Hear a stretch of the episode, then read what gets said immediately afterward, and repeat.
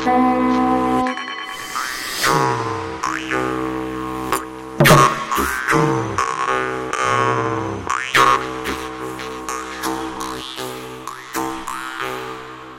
ritu raksti. Labdien, jums teica tradicionālās kultūras raidījuma laika ritu raksti vadītāja Iveta Medene. Šīs dienas raidījumā runāsim par tādu rakstu zīmi kā susekli. Sauktu arī par ķemmīti, kā arī par ūsiņa zīmi, kas ir līdzīga divām ar mugurām pretī saliktām ķemmītēm, vai lai labāk saprastu lielajiem drukātajiem e-burtiem. Iepazīsimies, kas šodien pie mums ciemojas. Latviešu tradīcijas zinātāja Edīta Olupe. Un piemetināšu, ka Edīte arī ir latviešu gadsimtu ieražu grāmatas sastādītāja. Es esmu Ines Krūmeņa, audēja praktiķe un arī grāmatas zīme raksts nozīme autāre. Un tālāk? Aldis Pūtelis. Aldim nu pat ir iznākusi fantastiska grāmata, fundamentāls darbs, mm. kurai vajadzēja būt doktora disertācijai, un mēs ļoti gaidām, ka tā par tādu taps. Grāmata negluži par zīmēm, bet par to, cik var ticēt rakstiem un ko tajos var meklēt un kā. Tātad grāmatas domas par latviešu mitoloģiju autors un Miks Kozlovskis garām gājies. Malacis. Paldies, ka ienācāt! Labdien visiem! Dzirdu balsis ienāku. Labdien! Labdien! Labdien! Labdien!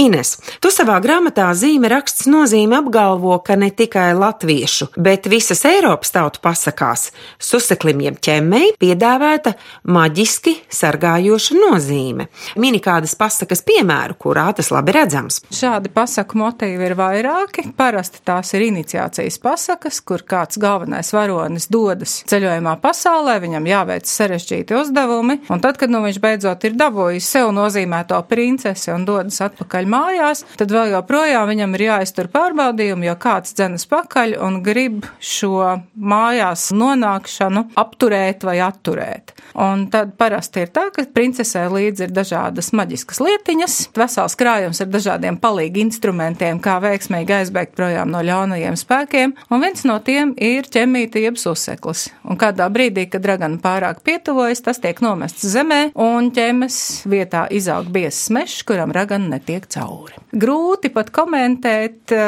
lūk, te ir pasaka, un šis apgalvojums ir acīm redzams. Man ir viens ļoti mīļš citāts, kurā ir pamācoša doma, ka senie cilvēki ne tikai nedomāja tā kā mēs, bet arī ne tā, kā mēs iedomājamies, ka viņiem būtu vajadzējis domāt. Manuprāt, mūsdienās ir jābūt piesardzīgiem un nedrīkst aiziet par tālu susekļi izaugušajā mežā, kad mēs skaidrojam, ko tas kādreiz ir nozīmējis. Jo kamēr mums mūsu godājamie fiziķi nenodrošinās izmantojamu laika mašīnu, mēs par to droši pārliecināties nevarēsim. Rakstu zīmes, sadzīves priekšmetos. Aplūkojot dažas rakstu zīmes jostās, kreklos un arī vainagos, šķiet, ka suseklis tur neparādās kā dominējošā raksta sastāvdaļa. Vai tā ir Inese? Attiecībā uz susekli kā atsevišķu rakstu zīmi tā tik tiešām nav dominējošā. Bet savā jostu darināšanas praksē es esmu pētījusi diezgan daudz arī lielākas jostas, kur rakstu kompozīcija ir sarežģītāka. Un mani alaži ir pārsteidzis tas, ka atsevišķās rakstu zīmes tiek liktas tādos kā rāmjos kā dārziņš apkārt. Un šie rāmji ļoti reti, kad ir plakani tiešām kā rāmji, bet drīzāk veidoti no dažādas sarežģītības pakāpes ķemītēm, jeb susakļiem. Un Arī es nevaru apgalvot, ka seno laiku audējs, ja baudēji ir ar racionālo prātu aptvērušas, ka tas tiešām ir šis ķēmas ornaments, bet tas ir no vienas puses iespējams bijis estētiska apsvēruma dēļ, tomēr no otras puses man ir alaži jāaizdomājas par to, kādēļ vienas rakstu zīmes saglabājas cauri laikiem un tiek kopētas, kopētas un kopētas no paudzes paudzē, kamēr citas parādās kādā īsā laika intervālā un pēc tam pazūd. Jo, ja, piemēram, aplūko 18. gadsimta vidus ceraukstas jostu un 19. gadsimta lielvārdas jostas, tad, lai gan kompozīcija ir līdzīga, ja, tad tomēr tie centrālie ornamenti ļoti neliela daļa ir tādi, kas atkārtojas vienā un otrā. Bet šī te tradīcija lielāku rakstu iežogot tādā kā rāmī, kas sastāv no ķemītēm, tā ir saglabājusies, kas varētu liecināt hipotētiski par apzinātu vai neapzinātu šo te sargājošā elementu pielietošanu. Rakstu zīmes arheoloģijā. Mamiņa mīļā, laidi stabāhi, ne zakšu jēriņu, ne kazlēniņu, susekli to zakšu, tā manim vajag, čigaiņu bērniņiem pinkainas galvas.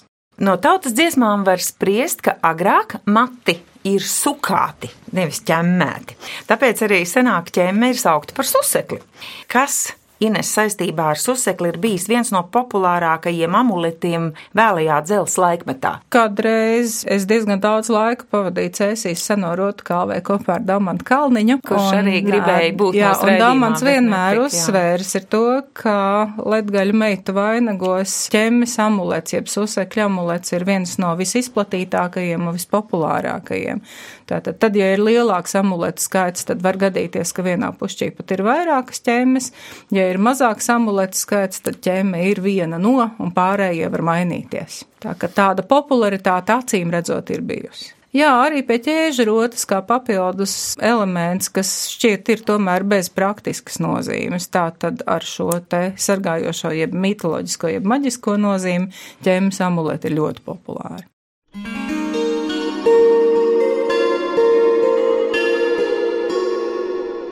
Rakstu zīmes un simboli.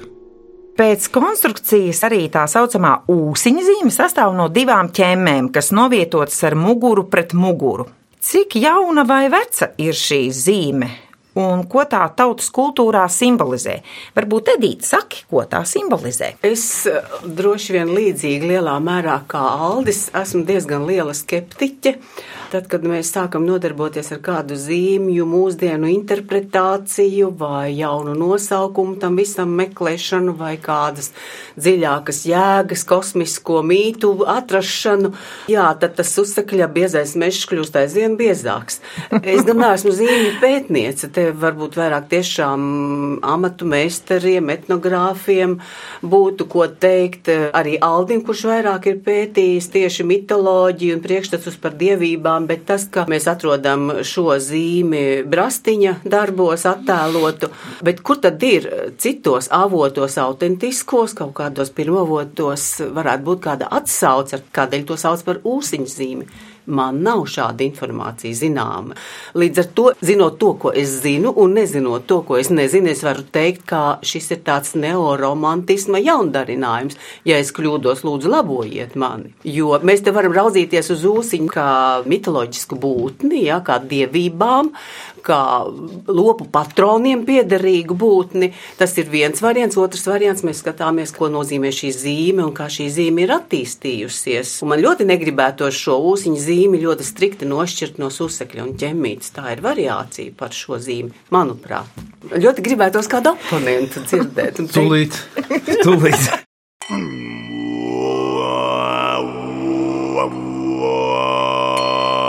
Rakstu zīmju senais mantojums. Mana specifika vēl ir tā, ka mm, pirmā izglītība ir matemātika, un līdz ar to es uz daudzām lietām skatos tīri no tāda matemātisko īpašību punkta. Un eh, tad, kad mēs runājam par ķēmi vai susekli, tad mēs parasti runājam par šo te ķemīti, kurai ir viena muguriņa un zariņa uz kādu pusi. Tātad lielās līnijās viņai nav vairāk par vienu simetrijas asi. Kad mēs aplūkojam zīmi, ko pašlaik mēs saucam par ūsiņu zīmi, lai gan ar zīmju nosaukumiem tik tiešām ir tā, ka tur kādreiz jābrīnās, no kurienes tie vārdi radušies. Bet jā, tas, ko mēs pašlaik saucam par ūsiņu zīmi, tas ir ar divām simetrijas asīm, jo šīs ķemes ir savietotas ar mugurām kopā un izveidojas figūra, kam ir simetrijas īpašības augstākas. Bet vai tāpēc šī zīme būtu saucama par jaunu, manuprāt, nē. Bet lietotas līdzīgi... ir kā vienas tā otras, ir ķemmītas rindā viena aiz otras tādā veidā, ka ir šīs vienpusējās ķemmes, un tomēr kā rakstu centrālie elementi šīs vienpusējās ķemmes nefigurē, bet figurē tā ar tām divām kopā saliktajām mugurām. Un to visbiežāk droši vien jostās var ieraudzīt autentiskajās. Jā. Bet, kas ir ļoti interesanti, es atceros, ka es nesen uzgāju, šķiet, ka mūsu vēsturniec arheoloģijas lozes grāmatā publicēts attēls, kur mēs šāda veida, nu, sauksim to par ūsiņu zīmi, atrodam uz akmens laikmeta darba rīkiem, iegrabtu kaulā uz darba rīku spala. Jā, tā tad zīme ir sena. Bet zināt, kas man ienāca prātā, tā ir atkal viena tāda ķecerība, ko es arī neesmu nekur lasījis. Birka. Kas ir ir birka. Vairākas nozīmes, viena no senajām nozīmēm ir parādzīme. Kā tas izskatījās? Iegrebj kaut kādu ornamentu kokā, sadala šo koka plāksnīti uz pusēm. Viena puse ir aizdevējiem, otra puse ir tam, kas ir parādnieks. Un tad, kad tas parāds tiek nolīdzināts, tad savieno kopā šīs puses, salīdzina vai sakrīt. Parāds ir dzēsts, un arī uz šīs koka plāksnītes šī zīme viegli izgrabta, tā tiek dzēsta un tiek sagatavota vieta nākamajam parādam, ja tāds būs vajadzīgs. Un te ir tās divas ķemmītes, par ko gan ne. Kāpēc nevarētu būt viena no šādām absolūti utilitārām praktiskām funkcijām arī šai zīmei?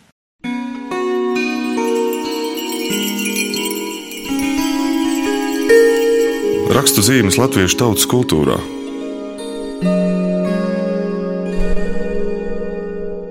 Ja mēs paraugāmies tajā pašā folkloras virzienā, tad rodas jautājums to ūsiņa nozīmes interpretācijām dažādām. Kas tad tas ir? Vai tas ir tas gaismas dievs, vai tā ir būtne, ko mēs saucam par lopu patronu, zirgu aizbildni. Stenderam ir bijis viena no versijām par to, ka tas ir bišu dievs, it kā skaniska līdzība ar vārdu ūzas, ja, un tās dzeltenās bikses.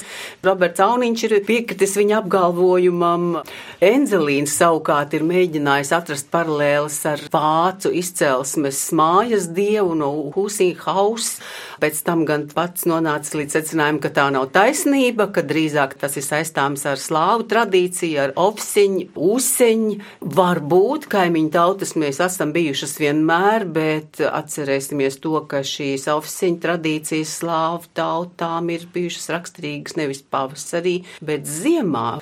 Mēs nevaram šodien to mm, precīzi apgalvot, jo šo rakstisko liecību ticamu avotu ir pamast, merķeļa darbos tas vispār nav pieminēts. Un tam līdzīgi Aldis krata galvu, varbūt es kļūtos, viņš saka jā. Aldi, kā tur ir rūsiņš, ir gaismas dievs vai nav? Kas nu to zina? Jo tekstos jau viņam darīšana ar pavasari un zirgiem, bet uh, biezais un arī jauniņš par variem gribētu atzīt, ka tas zirgs viņam ir atstāts tikai vēlākos laikos, ka sākotnēji viņš ir gaismas dievs bijis. Ar uzām, nu tur jau arī tas ir tas muļķīgais, ka mūsdienu cilvēks domā, ka deķis, ķisens un ķēķis ir skaisti senu latviešu vārdi, bet tas ir vācu vārds. Tad tās ziedputekšņiem aplipušās bišu bikses, nu nez vai būtu latvieši saukuši vācu vārdā un tam veltījuši dievu, lai gan bikses jau arī aizdomīgi līdzinās zviedru vārdam. Par skaniskām līdzībām, nu, tur, protams, lielu darbu ir veicis tas pats vīrs, kuru citāti es te sākumā pateicu, kurš pierādīja, ka taisnība nebija nec Stenderam, nec Harderam, un dievs un devs nav nec savstarpējs kaut kāds aizguvums, ne latviešu pašu veidojums, bet tas ir mantots kopīgs vārds. Bet Millers, protams, pats beigās jau saka, ka bezmērķīgi katru līdzību tūlīt atzīt par uh, pamatojumu nebūtu pareizi. Tad vai ušas un pārējās skaniskās līdzības ir vai nav, kas mums to dos uzminēt. Pie tam, ja pareizi atceros, tad Ovšķiņa un pārējais izrādās vēl ir Somugru Krievijā. Tā tad uh, vēl mazliet tālāk, bet tā kā reģionāli šīs dziesmas ir no tā viena Latvijas gala nepārprotami vairāk.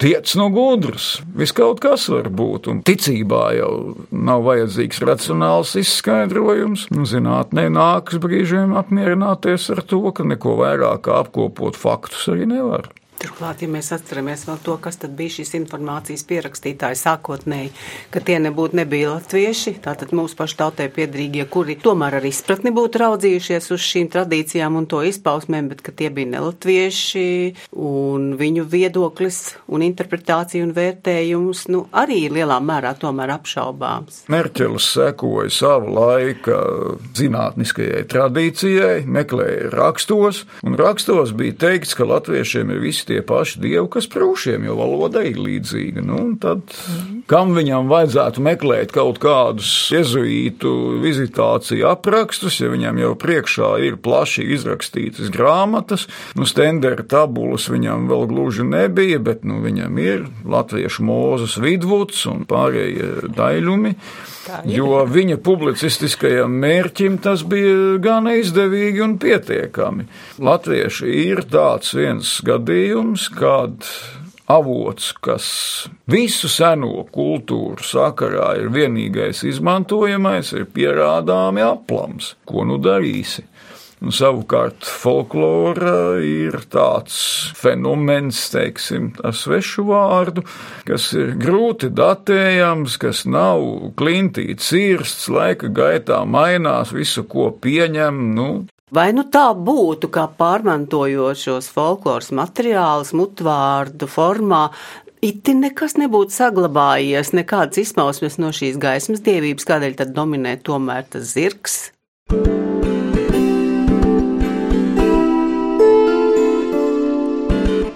Rakstu zīmes debesīs. Mika, kas tev ir sakāms šai sakarā par ūsuņa zīmi? Lai saprastu zīmi, jāsaprot, kas ir pats ūsiņš, kas ar to ir domāts un uh, ko tas simbolizē un kādu spēku pauž. Tas nav noteikti grābts no zila gaisa, izdomāts vārds, tas ir nācis mums no senatnes, mums ir atmiņa zudusi. Tad jāsāk būtībā ar kosmisku sāgu. Es viennozīmīgi esmu pārliecināts, ka ūsiņš pamatā ir gaismas dievs, vēl precīzāk būtu teikt, saules vedējs.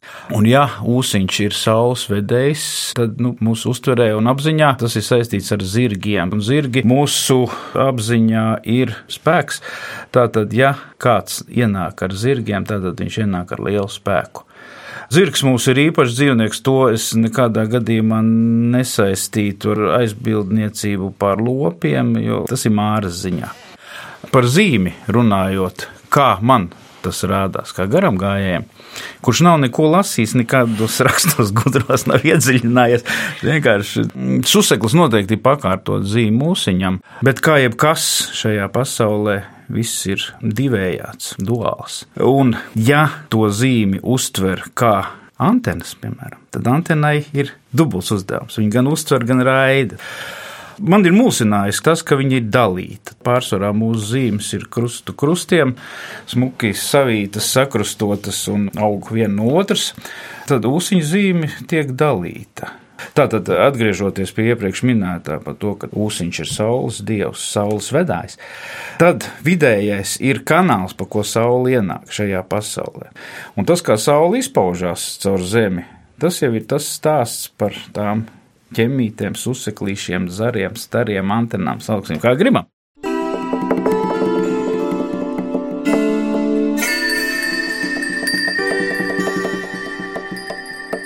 Rakstu zīmes apģērbā. Ūsuņa zīme visbiežāk ir sastopama cimdos. Šādus cimdus sauc par atslēgaiņiem. Ines, kā tu domā, kāpēc?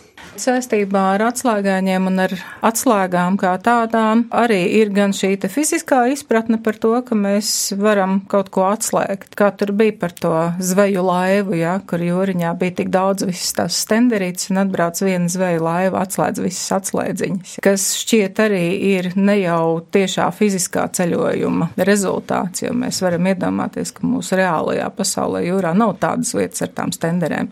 Tātad, acīm redzot, tur ir tēlai, dīvaini vizualizēts kaut kas, kas ir noticis cilvēka garīgajā pasaulē. Tas ir mēģināts ieteikt reālās pasaules vārdos ar tēliem, kas ļautu iztēloties to situāciju. Un, ja mēs tādā izpratnē runājam par atslēgām, tad tur, kur ir vārti, respektīvi pārēj no viena stāvokļa uz otru, tur ir jābūt arī atslēgā, kā tiem vārtiem tik cauri.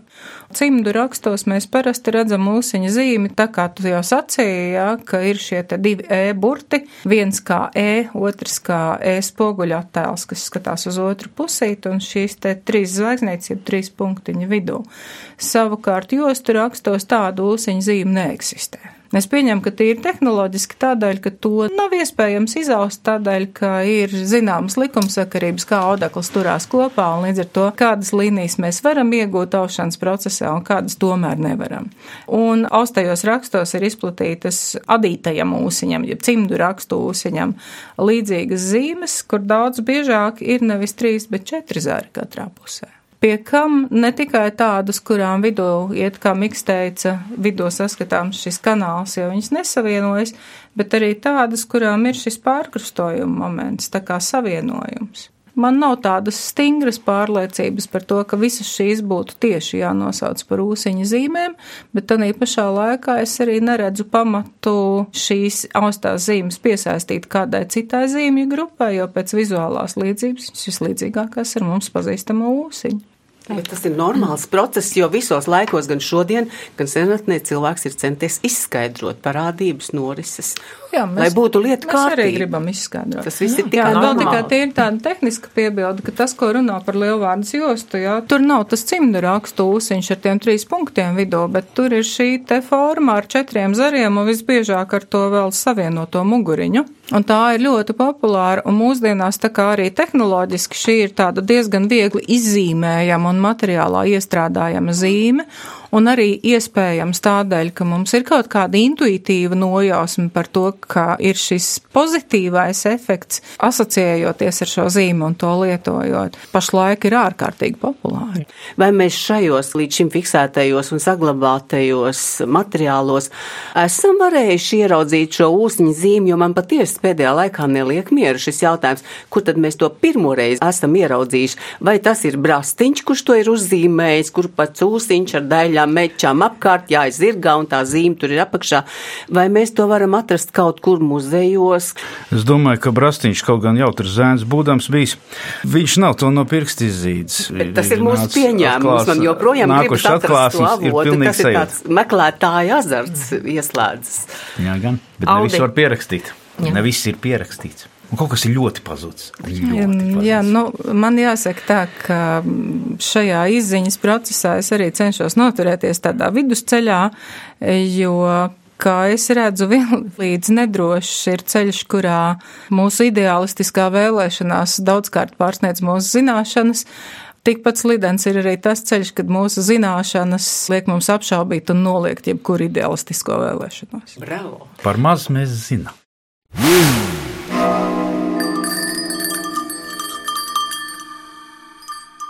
Raidījumā laika rita raksti par susekli jeb ķemmīti, kā arī par ūsiņa zīmi, kas ir līdzīga divām ar mugurām pretī saliktām ķemmītēm, runāja latviešu tradīciju zinātāja Edīte Olupe, audēja celotāja Ines Krūmiņa, rīksnieks Miks Kozlovskis un folkloras pētnieks Aldis Pūtelis.